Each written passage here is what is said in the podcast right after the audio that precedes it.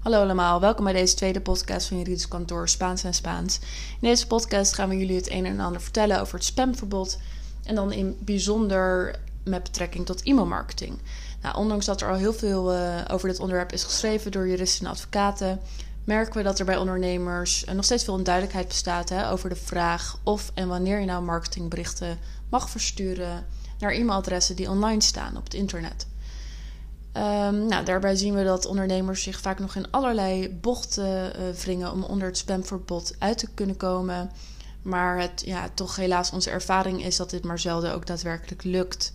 Nou, zo zagen we laatst uh, nog een ondernemer um, in een Facebook-discussiegroep eigenlijk, die ervan overtuigd was dat op het moment dat een e-mailadres op het internet is geplaatst, uh, je dit e-mailadres gewoon mag gebruiken voor allerlei marketingdoeleinden. Um, nou, of dit nou mag, uh, of niet, dat soort vragen gaan we beantwoorden in deze podcast. In deze podcast gaan we via het stellen en beantwoorden van een paar vragen jullie zoveel mogelijk informatie geven over het spamverbod. Vraag 1. Wat houdt het spamverbod nou eigenlijk precies in? Nou, onze wetgever heeft bepaald hè, dat het creëren van overlast via het ongevraagd versturen van commerciële, charitatieve of ideële elektronische berichten, ook wel spam genoemd in de volksmond, onwenselijk is en principe dan ook niet voor toegestaan, tenzij er om expliciete toestemming is gevraagd. En deze ook is gegeven, uiteraard, maar dat spreekt hopelijk voor zich. Nou, daarom staat er in onze telecommunicatiewet in artikel 11.7, om precies te zijn, ja, er staat een, eh, een spamverbod. Nou, op dit verbod zijn ook enkele uitzonderingen gemaakt. Hè. Dat is uh, wel vaker zo bij het recht. De ene uitzondering op de andere uitzondering. En die zullen we zo meteen ook bespreken in deze podcast. Voor nu wil ik nog even um, benadrukken dat het spamverbod niet alleen betrekking heeft op e-mailmarketing, maar ook op gewoon allerlei andere elektronische berichten, zoals appjes, hè, berichten op social network sites, sms'jes en dergelijke. Vraag 2. Welke berichten worden nou als spam beschouwd?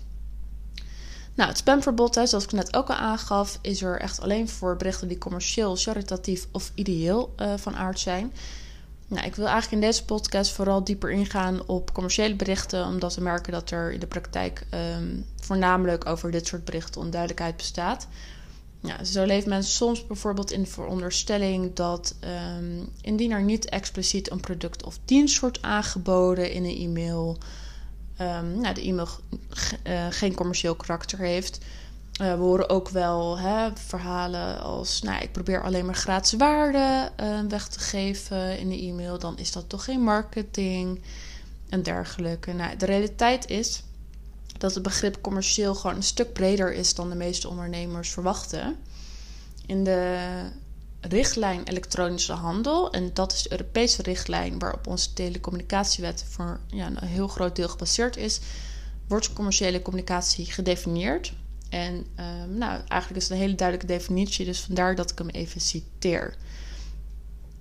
Nou, commerciële communicatie is dus elke vorm van communicatie bestemd voor direct of indirect promoten van de goederen, diensten of het imago van de onderneming, organisatie of persoon die een commerciële, industriële of ambachtelijke activiteit of een gereglementeerd beroep uitoefent.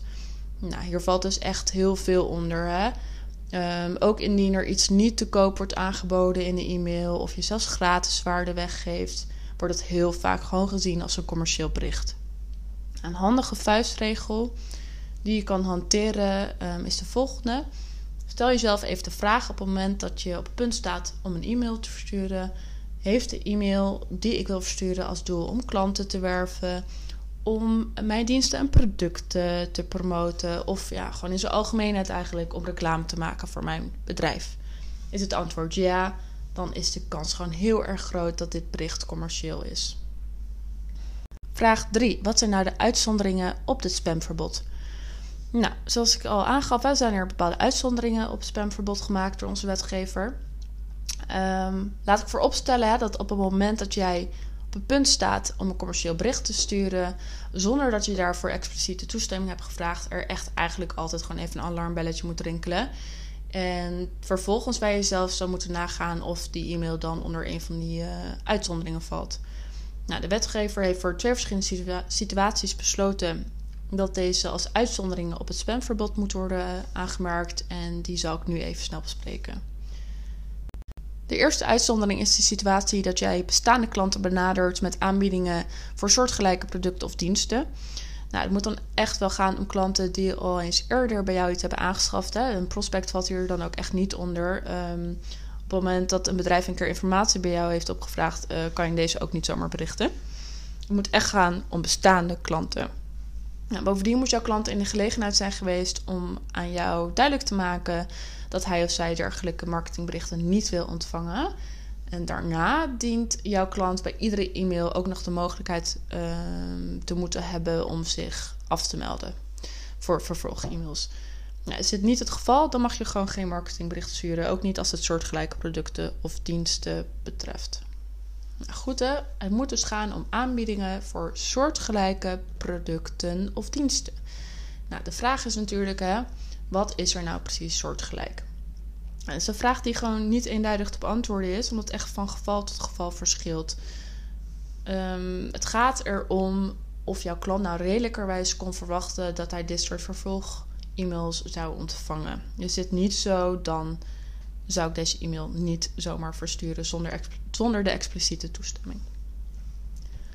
De tweede uitzondering is de situatie dat iemand een e-mailadres publiceert op het internet dat overduidelijk bedoeld is voor het ontvangen van marketingberichten. Nou, indien wij hè, bij ons op kantoor bijvoorbeeld graag interessante aanbiedingen willen ontvangen en daarom op onze contactpage een e-mailadres publiceren um, als salesaanbiedingen.spaans-spaans.com, dan mag je naar het e-mailadres salesgerelateerde berichten sturen.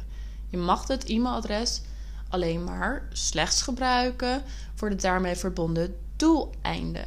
Het is dan dus ook niet de bedoeling dat je naar dit e-mailadres op onze contactpage um, als goed doel bijvoorbeeld opeens uh, mailtjes gaat versturen om geld op te halen. Dat zijn geen salesgerelateerde aanbiedingen. Nou, hoe zit het nou nog met die contactformulieren op websites? Zijn die nou ook bestemd hè, om uh, marketingberichten naartoe te sturen? Het antwoord is nee. Tenzij men uit bijvoorbeeld een bijbehorende tekst uh, mag afleiden dat het anders is. Um, denk bijvoorbeeld aan de situatie dat jij een contactformulier hebt en je vindt het gewoon heel leuk om um, aanbiedingen te ontvangen. Daarom zet je er een stukje tekst bij van. Nou, op dit uh, contactformulier, we ontvangen ook heel graag aanbiedingen van interessante bedrijven, et cetera. Nou, dan uh, mag je daar wel gewoon marketingberichten naar, uh, naartoe sturen. Maar het, als uitgangspunt geldt dus gewoon hè, dat een contactformulier niet bestemd is om marketingberichten naartoe te sturen. Dit was de podcast van Juridisch Kantoor Spaans en Spaans over het spamverbod en e-mailmarketing. Vond je deze podcast nou bijster interessant? Schrijf je dan even in voor onze nieuwsbrief op onze website of kijk eens op onze social media kanalen waar we regelmatig informatie delen.